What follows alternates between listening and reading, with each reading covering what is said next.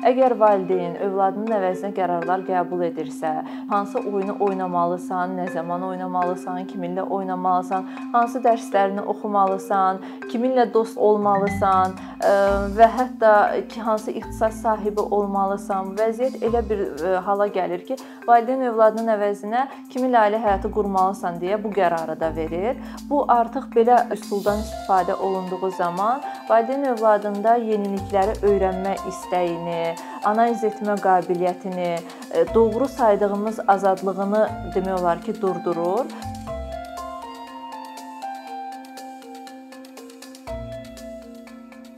İnsan münasibətləri arasında ən uzun müddətlisi valideyn-övlad münasibətidir. Valideynlərimizdən, yəni anamızdan, atamızdan nə görürüksə, hansı e, həmin duyğu və hisslər də ana dilimizi yazır və həyatımıza həmin duyğu və hisslər rəhbər olur.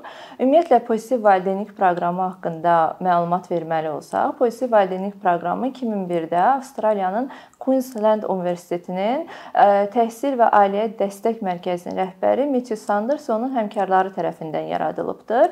Proqram özü ev təhsili və fərdi təhsilə, təhsil modelinə uyğun olaraq yaradılıbdır Bizim də yerinə yetirdiyimiz pozitiv valideynlik proqramı və ümumiyyətlə pozitiv valideynlik proqramının məqsədi ailə üzvləri arasında e, yaranan e, stress, mənfi stress hallarının, e, düzgün ünsiyyətin olmamasının, zorakılığın bütün növlərinin və eyni zamanda laqeydliyin həmin ailənin övladlarının bilavasitə fiziki, emosional, zehni qabiliyyətlərinə mənfi təsirinin valideynlərə göstərmək və eyni zamanda valideynləri bu istiqamətdə bilikləndirməkdir.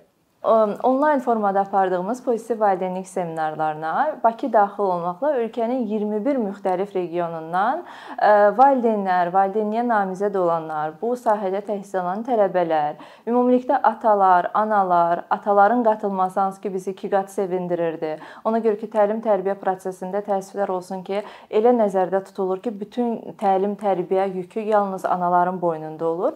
Amma bu iki tərəfli münasibət olduğuna görə mütləq ki, təlim-tərbiyədə ataların da öz mövqeyi, öz qatqısı olmalıdır və bu baxımdan ataların bizim seminarlarımıza qatılması, öz fikirlərini bildirməsi bizi doğrudan da iki qat sevindirirdi və biz onlardan da yeni məlumat və fikirlər əldə edirdik. Bu e, pozitiv valideynlik proqramının 4 bir-biri ilə əlaqəli olan mövzuları əhatə edirdi, amma bütün mövzuların mərkəzində sağlam ailə dururdu. Sağlam ailə dedikdə bu bir qədər sual doğururdu ki, burada e, sağlam e, ailə özlərinin tibbi yönümlənmə sağlamlığından söhbət gedir. Əslində bir növ bəli, sağlam ailə sağlamlığı əks elətdirir, amma burada sağlam ailə münasibətlərindən söhbət gedir. Sağlam ailə münasibətləri dedikdə biz bir ailə daxilində əgər valideynlər arasında, valideynlərin bir-bir bir-birlərinə və yaxud da ki, eyni zamanda valideynin övladı ilə münasibətdə ikitərəfli hörmət, doğru ünsiyyət metodu, dürüstlük, e, səmimiyyət, e, diqqət, olduğu kimi qəbul etmək, qəbullanma e, və bütün bunların təməlində duran sevgi varsa, Biz bu ailə münasibətlərini sağlam ailə münasibətləri adlandırırıq. Əgər bir ailə daxilində sadaladığım e, sadaladıqlarım yoxdursa, təbii ki, bu bilavasitə ilk növbədə bu ailənin övladlarının fiziki, emosional, psixososial, zehni qabiliyyətlərinə mənfi təsir göstərir. Ümumiyyətlə hər bir ailənin e, təlim-tərbiyə metodu fərqli, bir-birindən fərqlidir. Bir ailə daxilində tətbiq olunan tərbiyə üsulu digər ailəyə tamamilə əks mütənasib ola bilər. Bunun da ilkin səbəbi ondan ibarətdir ki, ailənin özünü yaradan fərdlər hər biri individual fərdi xarakterik xüsusiyyətlərə malikdirlər və bu baxımdan bir ailədə söylədiyim kimi istifadə olunan təlim-tərbiyə üsulu digər ailədə istifadə olunanda o qədər də uğurlu alınmaya bilər.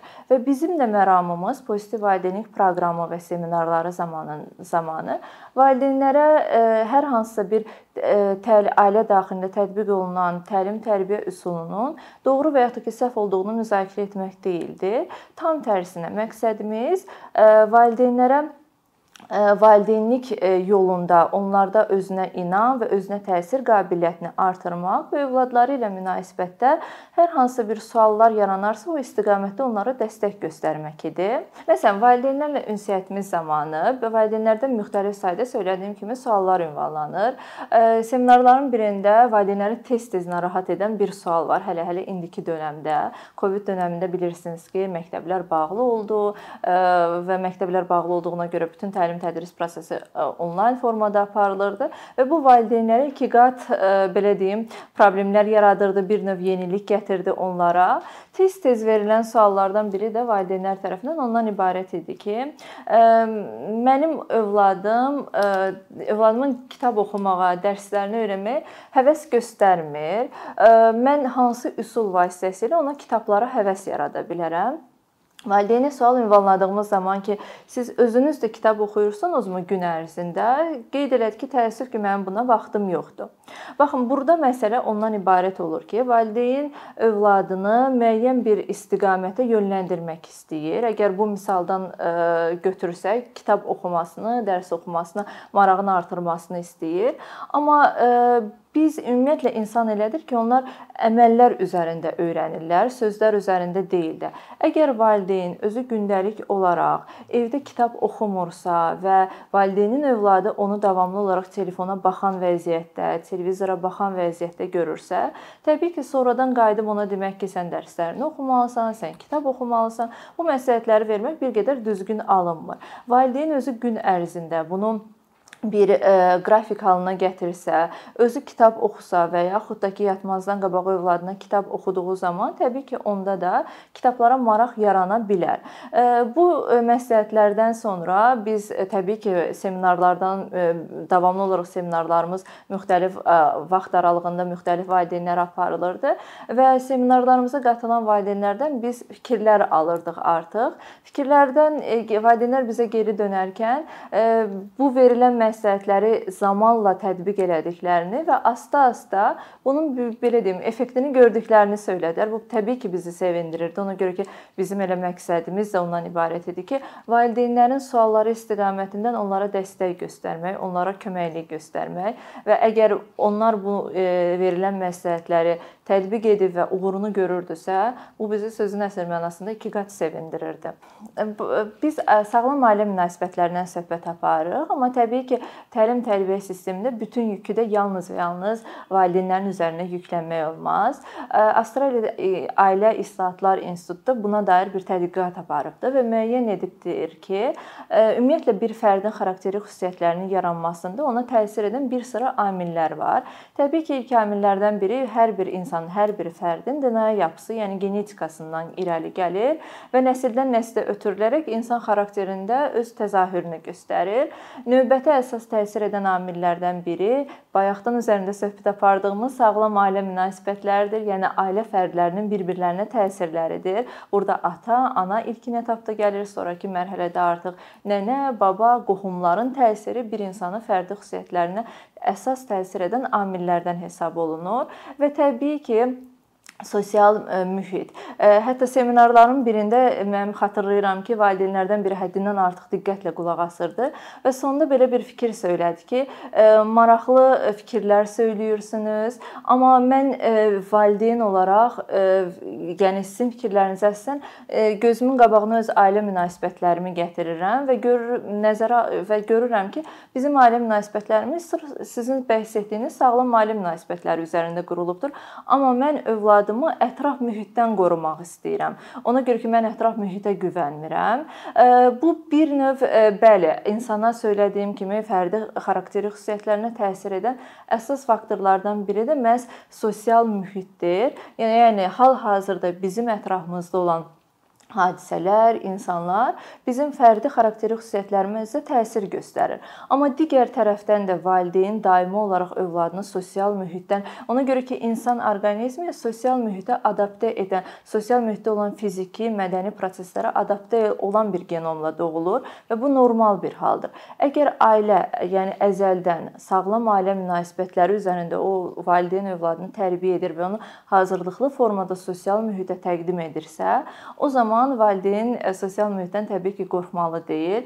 Bayaq da bu bu məsələni qeyd elədim ki, hər bir valideyn övladını sevir və qoyulan qadağalar, kontrollar hər biri bu sevgidən irəli gəlir. Amma bəzən bu qadağalar, bu münasibət hiperkontrol vəziyyətinə gəlir, hansı ki biz bunu normalda zəhərli tərbiyə üsulu adlandırırıq. Əgər valideyn övladının əvəzinə qərarlar qəbul edirsə, məsələn, hansı oyunu oynamalısan, nə zaman oynamalısan, kiminlə oynamalısan, hansı dərslərini oxumalısan, kiminlə dost olmalısan və hətta ki, hansı ixtisas sahibi olmalısan. Vəziyyət elə bir hala gəlir ki, valideyn övladının əvəzinə kiminlə ailə həyatı qurmalısan deyə bu qərarı da verir.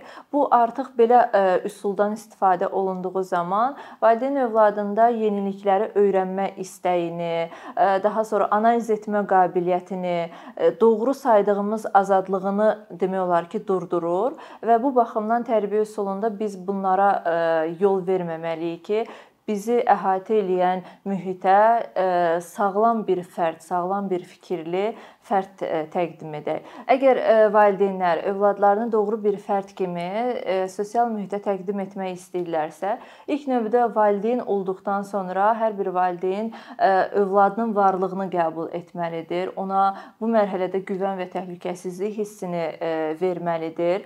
Onu övladını olduğu kimi, olduğu qabiliyyət və potensiallara uyğun olaraq dəyərləndirib qiymət verməlidir və hər zaman onun yanında olub ona ən gözəl formada, ən onun ən gözəl halı olmağa köməkliyini və dəstəyini göstərməlidir. Yalnız bu zaman biz bu münasibəti, valideyn-övlad münasibətini doğru e, münasibət adlandıra bilərik və ümumiyyətlə bu mühiti sağlam ailə münasibəti, sağlam ailə mühiti adlandıra bilərik.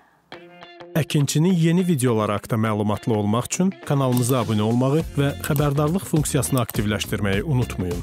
İmkandan istifadə edərək cari patronlarımıza işlərimizi davam etməyə yardım olduqları üçün dərin təşəkkürümüzü bildiririk. Əkinçinin Patreon icmasının üzvü olaraq siz bizim təşəbbüsə dəstək göstərməklə bərabər hazırladığımız materialları hər kəsdən öncə izləmə imkanı əldə edəcəksiniz.